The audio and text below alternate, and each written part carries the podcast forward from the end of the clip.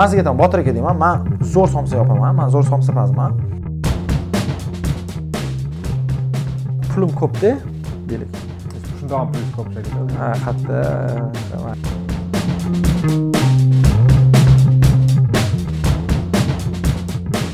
biz bema'ni narsalar bilan shug'ullanganimiz uchun bu masalalarni yechishimizga to'g'ri kelyaptida. O'zi bo'lishi kerak emas o'zi bu ma- masala muammo bo'lmaydi normal iqtisodiyotda fetishizm dedingiz Ha, eksportni fetishizm bizda yana ikkinchi fetishizm bor Ha. manimcha hozir tinglovchilar eng qiziqtirayotgan savol shundaki mayli ho'p sizni gapingiz to'g'ri ekan. Shuning uchun e, eksport import qilmasdan mayli shu erkin savdoga yo'l qo'yib tariflarni tushiramiz endi asosiy savol mayli buni oqibatida o'zbekistonda ishlab chiqarilgan mahsulotdan ko'ra chetdan olib kelgan mahsulot arzonroq bo'lsa iste'molchiga Hmm. demak chetga valyuta chiqib ketyapti degan stereotip bor.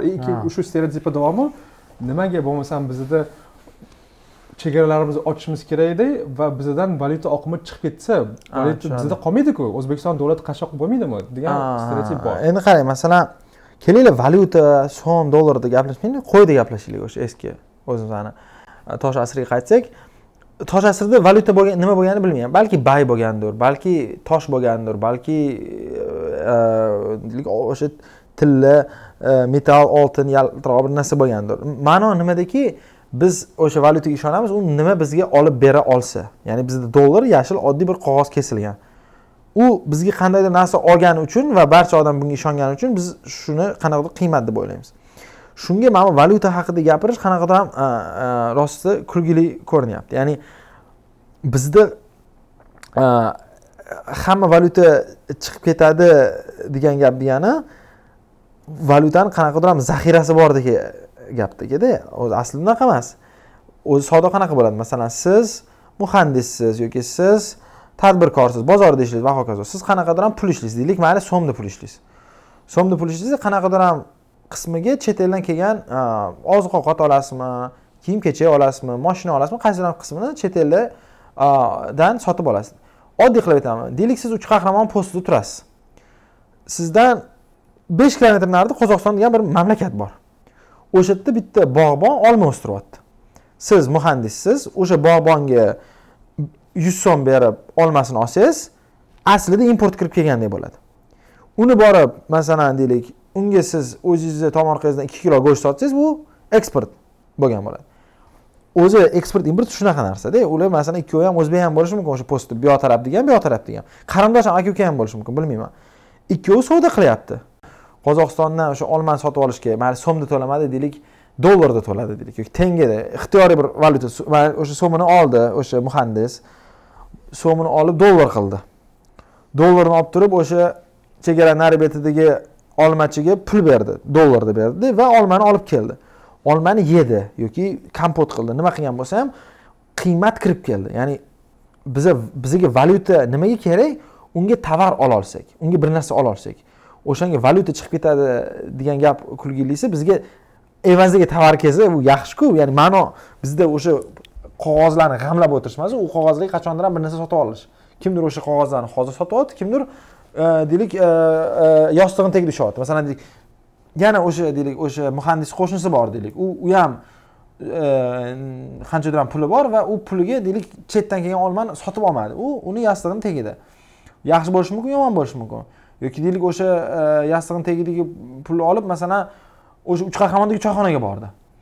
U ham pul ishlatdi bu ham pul ishlatdi. Ya'ni iqtisodiy ma'noda qaysinisi bizga foyda keltirdi qaysinisi bizga zarar keltirdi aytishimiz qiyin. Chunki u u odamni shaxsiy qarorlari va valyuta zaxiralari davlat valyuta zaxiralari chiqib ketishi albatta yomon. Va davlat bizda katta importyor emas deb o'ylayman. Ya'ni umid qilamanki davlat import bilan shug'ullanmaydi hech qachon. Eksport bilan ham. Э, lekin э, davlat agar bu bilan shug'ullanmasa shaxsiy insonlar qayerdan qayerdan nimani qanaqa miqdorda otganligi e, biz u haqida o'ylamasligimiz kerak. Va umumiy ma'noda bu bu e, valyuta chiqib ketdi degani odamlar yo'q bo'lib qoldi degani gap. Chunki valyuta degani pul degani pul degani insonlarni mehnati degani. Mehnat chiqib keta olmaydiku ya'ni bu mehnatni mevasini kimdir chet eldan kelgan narsadan sotib oldi. Chet eldan o'zi davlatlar aro chegaralar ham insonlar qurgan bir konstruktku masalan deylik ikki yuz yil oldin unaqa chegara yo'q edi deylik o'zbekiston va qozog'iston orasida unaqa ya'ni bu oddiy bir konstrukt. Bu insonlar orasidagi bir savdo degan narsa. Hozir yashil qog'ozchilikka ishonyapmiz xolos. Qachondir ham oltinga ishonardik undan oldin qo'yga ishonardik undan oldin teriga ishonardik undan oldin toshga ishonardik. Endi farqi yo'q nimaga ishonishimiz? Ma'no biza o'sha narsani qiymat bilamiz va o'sha qiymatga birov birov ham ishonishini bilib turib ishlagan narsamizni o'sha toshga o'sha qiymatga o'sha qog'ozchaga o'sha benjamin franklin rasmiga o'tkazib turib o'shani evaziga bir tovar ol- olgimiz keladi yoki xizmat olgimiz keladi. Lekin biz hech qaysimizda masalan yashil qog'oz fetishizm yo'qku masalan agar ertaga dollarni hech qayerda olmay qo'ysa biz uni g'amlab o'tirolmaymizku bizga ma'no uni evaziga bir narsa olishda. Shuni aytmoqchimanki valyuta fetishizmi ham bor. Va, bilishimiz kerakki u oddiy qog'oz. Bizni qog'oz ham oddiy qog'oz. Biz uni evaziga bir narsa sotib olamiz siz masalan Э, choyxonachidan osh sotib olsangiz uyimdan zaxiralarimdan valyuta chiqib ketdi demaymizku. Chunki uni evaziga bir narsa oldikku. Ya'ni aldamayaptiku bizni. Biz qachon biz narsa sotib olamiz? Agar u narsadan oladigan e, foydamiz o'zimiz uchun u narsaga beradigan puldan ko'ra afzal bo'lsa masalan deylik man bir e, chashka masalan qahvanidan oladigan masalan mazza qilishim besh dollar bo'lsa va qahva to'rt dollarga sotilsa man sotib olaman. Lekin agar shu qahvadan mazza qilishim besh dollar bo'lsa va aeroportdagi muhtahamlar qahvani sakkiz dollardan sotsa man sotib olmayman u qahvani. Bu ham xuddi shunaqa narsada ya'ni bu uh, man qahvachiga to'lasam pulni man u mandan valyutani olib qo'ydi deb qayg'urmayman. Chunki man uni evaziga narsa oldim. Yoki ichdim yoki yedim yoki kiydim yoki qurdim. Lekin o'sha tranzaksiyada o'sha olma olma deganingizda e, zarar ko'rayotgan potensialniy zarar ko'rayotgan taraf bu uch qahramondagi va qozog'istondagi yashovchilar emas o'zbekistonda shu olma sotayotgan alayskida olma sotayotgan o'zbekiston chiqargan ol- olmachilar o'zbekistonda yetishib chiqadigan olma sotuvchilar ishlab chiqaruvchilar tovar bo'lsa yoqmaydi bu narsa. Chunki ular xohlaydiki mani olmam olsin nimaga uni Hmm. olmasini olyapti deb sizni uch qahramondan toshkentga kelib shu alayskidan olishingizga Xohlaydi. bosim qiladi ha ha ha masalan import tariflari ma'lum bir tovarlarga qaysi besh protsent qaysi tovarlarga o'n protsent o'ttiz protsent Hmm. bu degani e, bilvosita ravishda Hmm. o'shani iste'mol qiladigan iste'molchilarga soliq solish degani to есть to'g'ri soliq bilan soliq. solish bilan importda Farqi ma'nosi farqi bitta narsa endi past soliq olib borish siyosati bilan baland tariflarni qo'yish siyosati bir biriga nima desa bo'ladi? Teskari. Shunaqa. Ya'ni ixtiyoriy boj bu soliqda o'shanga ko'pincha aytganda masalan soliqni anaqadan olish kerak masalan foydadan olish kerak. Eng oxiridan masalan iste'mol va hokazodan. O'shanga agar lekin hozir yana bitta narsani aytib o'tishim kerak. Masalan anavi olma haqida gapirdik agar deylik o'sha uch qahramondan olmani ololmasa u odam u va lekin deylik o'sha alaskida olma qimmatroq bo'lsa bu degani u odam de facto kambag'alroq bo'lib qoldi deganda. Masalan yuz so'mlik olma e, masalan bir kiloga e, masalan bir kilo olma olish kerak u odam har doim. Yuz so'm o'rniga yuz ellik so'm bo'ldi degani ellik so'mini boshqa narsaga ishlata olmadi degani. Agar olmani olish kerak bo'lsa. Endi e, bu degani o'sha ellik so'mini choyxonachiga ishlata olmadimi sartaroshga ishlata olmadimi? Bu iqtisodga sof zarar. Sotib olish qobiliyati kamayadi kamaydi. kamayadi ya'ni u, odamni de facto ellik dollar ellik so'm o'g'irlab ketgandek gap bo'ldida u odamni cho'ntagidan. Chunki xuddi shu bir kilo olmasini ellik so'mga qimmat sotib olyapti bu degani u odamni cho'ntagidan ellik so'm kimdir o'g'irlab qo'ydi degandek gap. Lekin eng eng kulgilisi u ellik so'm yutqizgani bilan alaskadagi savdogarlar ellik so'm foyda ko'rmaganda mana mana shunisi eng muhimi. Ya'ni shu nuqtai nazardan aytmoqchimanki e, e, shu shu anaqa bojlar qanaqadir ma'noda soliq chunki insonni de facto kambag'allashtiradi. Hozir biz erkin savdoni yaxshi taraflarini gapirdik lekin proteksionizmni ham joiz kelganda foydali taraflari bor. Masalan? Masalan masalan infant industry argument degan narsa bor. Bu degani e, qaysidir mamlakatda endi o'sib kelayotgan endi noldan boshlangan industriyani sohalarni ma'lum bir vaqt ichida o'sishga oyoqqa turib olishga sharoit yaratish maqsadida ikki uch yil to'rt besh yil o'n yil o'n yil masalan yoki farqi uzoq muddat lekin muddati bor yilgacha subsidiyami yoki import tariflari orqali yordam berish. Lekin shu ikki uch yil o'tgandan keyin ham birinchidan davlatlar o'sha champions deydiyu qaysi winners. winners qaysi sohadagi qaysi korxona Tanlash. tanlashi oyoqqa turishini birinchidan noto'g'ri tanlaydi. Yoki tanlash qobiliyati ham yo'q. Ikkinchidan o'sha tanlagan taqdirda ham ikki uch yil vaqt o'tgandan keyin o'zini to'xtatib bo'ldi senga import e, o'yin tugadi import tarifini olib tashlayman endi boshqalar bilan raqobat qil deyolmaydi nima degani infant industry bu ya'ni bir chaqaloq tarmoqlarining himoyasi deb gapiraylikda yoki o'zbekcha endi tug'ilgan masalan. Endi tug'ilgan. endi tug'ilgan. Bu degani oddiy narsa deylik siz suv chiqarmoqchisiz. Qo'lingizdagi butilkadagi suv va chet elda ham suv bor. Hisoblab chiqdingizda shu anaqalar bilan hisobchilar bilan. Aytishyaptiki bizda deydi bir suv chiqarish bir dollar turadi. Chet eldan sakson sentga kelyapti suv. Chiqarish yaxshi emas. Lekin agar bizada hajm mayli yigirma millionta bo'lib ketsa unda bizda oltmish sent bo'lib qoladi suv.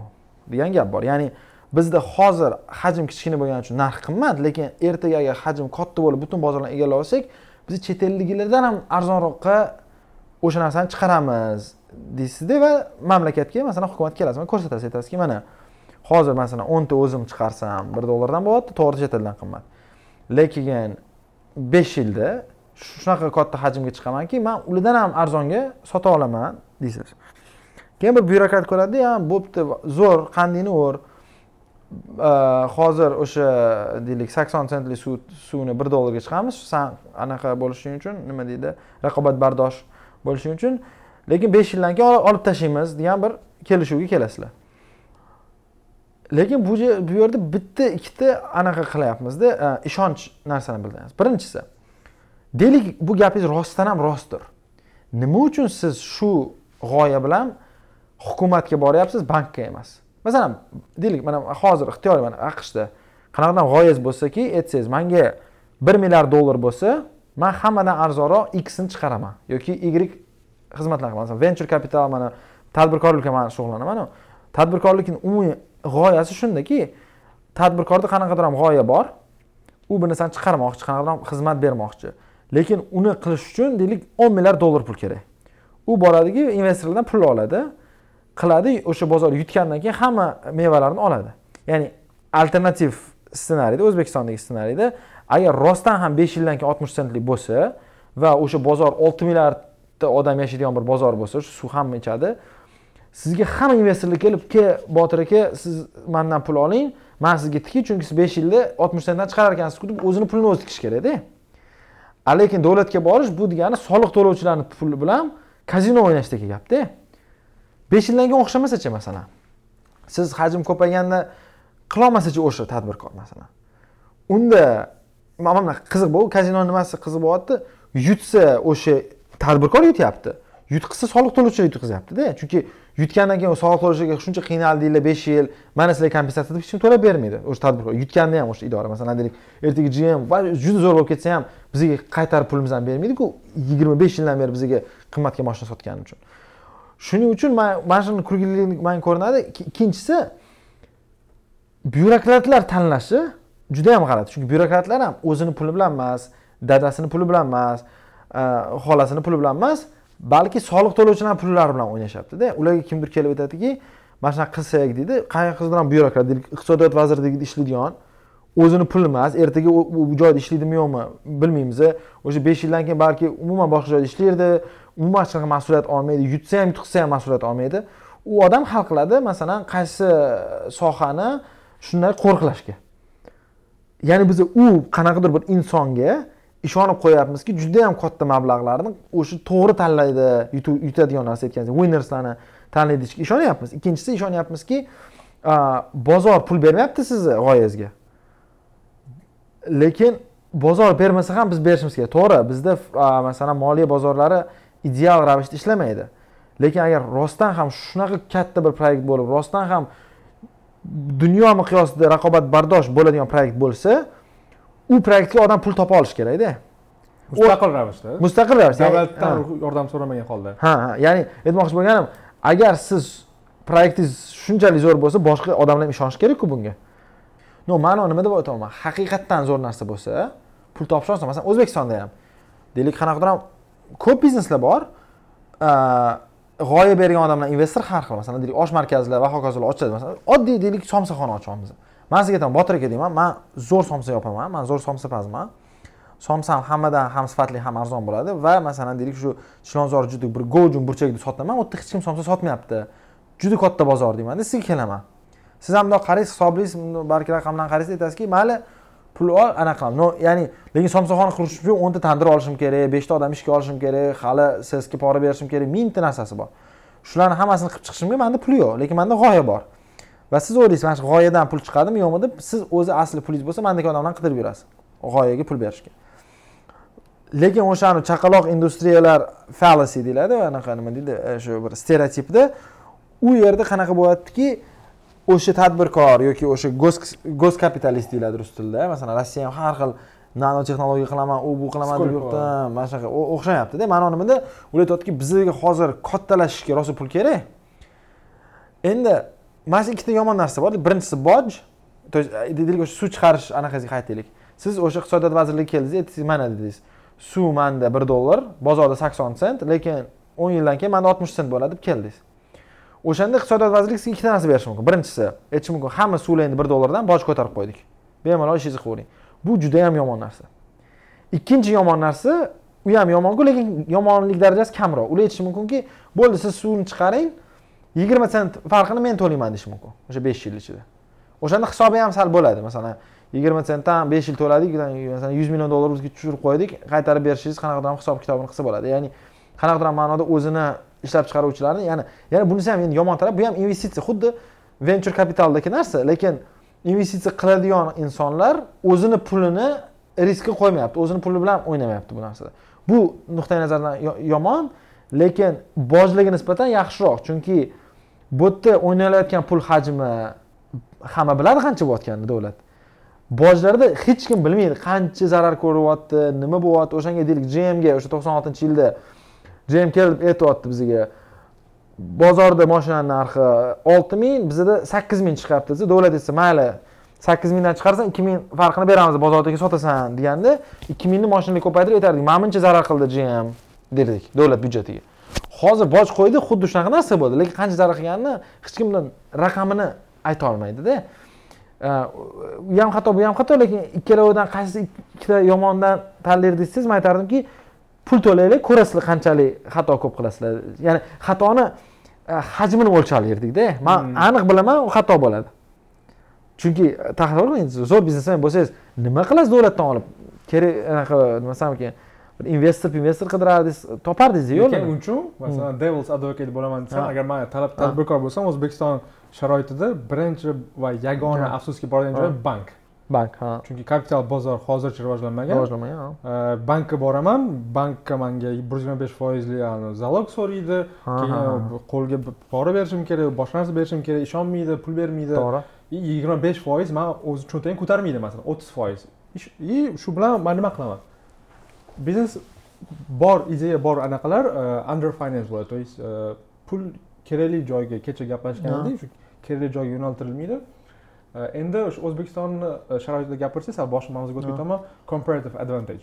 O'zbekistonni masalan e, comparative advantage nimada masalan nisbiy afzalliklar nisbiy afzalligi nimada chunki man oxirgi bir anaqa ma'lumotni ko'rib qoldim o'zbekistonda qalampirni eksporti juda oxirgi paytda oshgan ekan даже moshinani eksportidan ko'ra endi moshinaniki nolda qalampirniki bir so'm bo'lsa ham qalampir bir so'm bo'lsa ham demak shundan kelib chiqqan holda balki bizlarni nisbiy afzalligimiz qalampir yetishtirib chiqarishadi moshinada emasdir ha buni bu umuman bu e, mavzu haqida gapirgim kelyapti chunki man bilmayman siz ham bilmaysiz hech kim bilmaydi. Masalan uni tadbirkorlar hal qilish kerakda ular tadbirkorlar o'tiradi pul topaman deydi odam. Tadbirkor degani kim pul topmoqchi bo'lgan odam? Qanaqa pul topadi?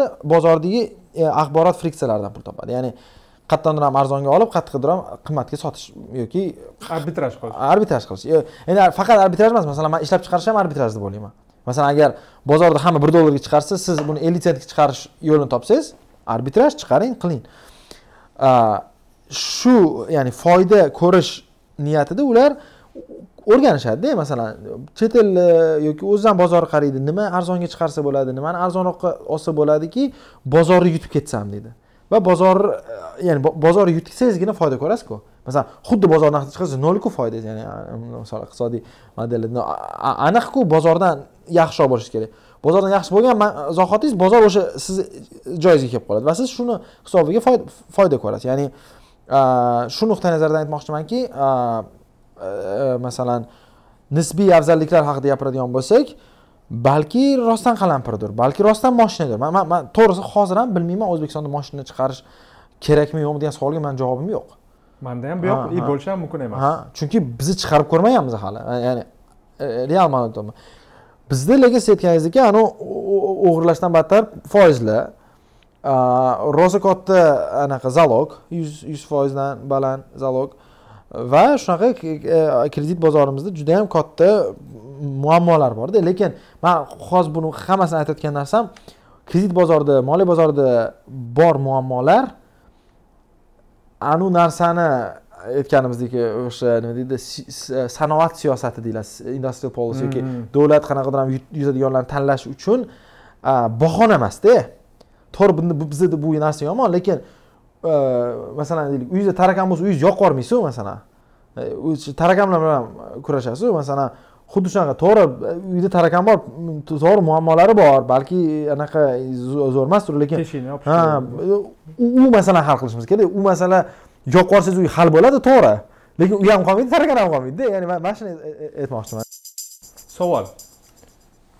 Free trade erkin savdo va proteksionizm qarama qarshi ikkita narsa. Xo'sh. Ikkidan birini tanlashingiz kerak tanlashingiz kerak emas bir biriga qarshi narsa. Tarixdan ham bilamiz masalan bozorlarni ochib yuborish qo'pol qilib aytganda sodda qilib aytganda ko'chani tilida bozorlarni ochib yuborish har doim ham yaxshilikka olib kelmaydi. To'g'ri. Yoki yaxshiligi bo'lsa ham qisqa muddatda yaxshiligi o'sha iste'molchilarga ma'lum aholiga yetib bormaydi. Bitta nima desam qatlam borki shunday aholini qatlami borki o'sha ochiq erkin savdodan ziyon ko'radi. Masalan? Masalan ishchilar. Ishchilar haydaladi. Masalan faraz qilaylik asaka yopildi. Mm. ishchilar haydaldi. Yigirma mingta ishchi ko'chada qoldi deylik. Ho'p erkin savdo natijasida birinchi bo'lib shu erkin savdodan ziyon ko'radigan e, qatlam o'sha ishchilar. E, boshqalar bo'lishi mumkin. Uni- uni oilasi keyin yoki supply qiladigan anavi gm power train Ha. unda ham undan ham o'n mingta ketadi deylik. Endi e, yuz mingta deylik yuz mingta deylik. endi ko'chada bozor e, qaysi biznes yashash kerak qaysi biznes yashash kerak emas bozor o'zi hal qiladi endi davlat gmni sotgandan keyin uni vazifasi ko'chish kerak boshqa narsaga nimaga tasavvur qiling yana bir dunyoni. Man pulim ko'pda deylik. Shundoq ham plyus ko'p shekilli Ha, qatta hali. A, va yuz ming kishini olamanda kuni bilan deylik bilmadim. Playstation o'ynashga anaqaga o'sha zavodga tiqib qo'yaman va ularga oyligini to'lab yuraman yuraman yuraman yigirma yil to'layman endi ularda malakasi yo'q hech narsasi qolmadi deylik anaqa. Va man ertaga bankrot bo'lsam ular qiynalib ko'chada qolib ketadi. Ya'ni nima demoqchi bo'lganim biz bema'ni narsalar bilan shug'ullanganimiz uchun bu masalalarni yechishimizga to'g'ri kelyaptida o'zi bo'lishi kerak emas o'zi bu ma- masala muammo bo'lmaydi normal iqtisodiyot lekin bu bizniki bozor e, ishchi bozori uchun yigirma mingta odam unaqa katta narsa emas o'zi aslida. To'g'ri yuz mingta katta bo'lishi mumkin. Man bilmayman qanchalik katta lekin nima bo'lgan taqdirda ham u odamni o'zini ishini baxtini topib ketadi. Lekin bitta narsa bu yerda muhim qanchalik kechroq qilsak shunchalik ko'proq xarajat va e, qiyinchilik bo'ladi. Ya'ni masalan bu masalani o'n besh yil oldin qilganimizda kamroq qon to'kilardi. Chunki hozir power train ham ochildi ketidan nasl ochildi ya'ni o'sha supply chain ketdi ha. Agar buni o'sha qilmaganimizda en en tekinga tushardi endi hozir qildik to'g'ri mana shu yuz mingta odamni boshidan o'qitib malakasini oshirib qayerqadir ham bu narsasini to'lashimiz kerak. Lekin umumiy ma'noda aytayotganim e, bu qanchalik effektivligini man to'g'risi bilmayman. Balki pulda berish kerakdir ularga. Aytish kerak masalan sizlar keyingi bir yil oyligilarni olaverasizlar lekin bir yil ichida nima qilsanglar qilinglar? Oyligilar masalan konstanta turadi o'shani beramiz. Undan keyin to'rt qibla deb olish kerakmi? Balki. Manimcha shu ikkinchisi afzalroq чем birinchisidan ko'ra malaka oshirish mani fikrimcha u qiymati e, hajmi yuz mingdan o'n mingta bo'lishidan qat'iy nazar malaka oshirish bu baribir ham e, qisqa muddatli ko- ko'zda tutilganda siz keyingi malaka oshirayotganda ham davlat taklif qilyapti. И davlat taklif qilayotgandan keyin masalan zavodchilarni non yopishga masalan yo'naltiryapti. Lekin baribir baribir davlat baribir tanlaydi do- davlat tanlayapti shuning uchun man aytmoqchi bo'lganim boshida savolimni so'raganimda anaqa e, образованиеga ta'limga pul tikish deganimda malaka oshirish emas именно noldan boshlab masalan maktab bog'cha universitetlarda hozirgi e, qisqa muddatda emas davlat o'sha bozorlardan chiqib ketgandan so'ng qiladigan ishi ka- kamaydi resurslari ko'p. Demak shu resurslarni keyinchalik shu bozorni e, stabil ishlab turish uchun kerak bo'lgan ishchi kuchini ta'minlaydigan shu образование va sog'lig'ini ushlab turadigan meditsinaga pul tikish то есть высшее образование maktab. И yana oxirgi anaqa tilga olinmagan bitta narsa shu mavzu natijasida ikkita lager paydo bo'lyapti. Ishlab chiqaruvchilar va iste'molchilar Iste'molchi. va ko'pchilik anavi siz aytgandek latentniy proteksionistlar o'ylaydiki bu savolni negizida ishlab chiqaruvchilar bilan iste'molchilarni to'qnashuv turibdi deb o'ylaydi. O'shaning uchun o'ylashadiki bu tarozini ikki pallasi keling biz ishlab chiqaruvchilarni tanlaymiz deb ularga pul nima deydi anavi bet qiladi. Ishlab chiqaruvchilar bilan iste'molchilar e, bir biriga qarshi bo'lishi kerak emas chunki har qanday ishlab chiqaruvchi bu o'z o'rnida iste'molchi ham. Ha. va man o'ylayman har bir iste'molchi ham qanaqadir ma'noda ishlab chiqaruvchi. Chunki masalan iste'mol qilolmaysiz agar bir narsa ishlamasa ya'ni ishlamagan tish- tishlamaydiku masalan biz ham balki bir narsa ishlab chiqaramiz deydiku.